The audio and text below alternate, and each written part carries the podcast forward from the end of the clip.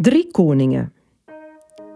Mijn kleinzonen gaan op pad, samen met hun vriendjes, verkleed als beloftevolle koningen. Een vader knutselde een ster, een oma zorgde voor kronen en gewaden. Ze gaan zingen voor een vreugderijk nieuwjaar bij alle vriendelijke huizen in de buurt.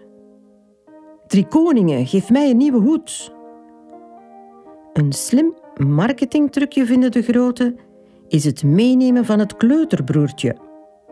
De mensen zullen hem schattig vinden en extra snoep uitdelen.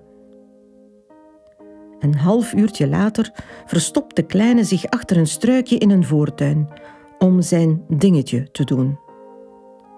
Onverwijld brengt het vorstengezelschap de lastpakkoning terug naar huis. Hij heeft een kakbroek, mama,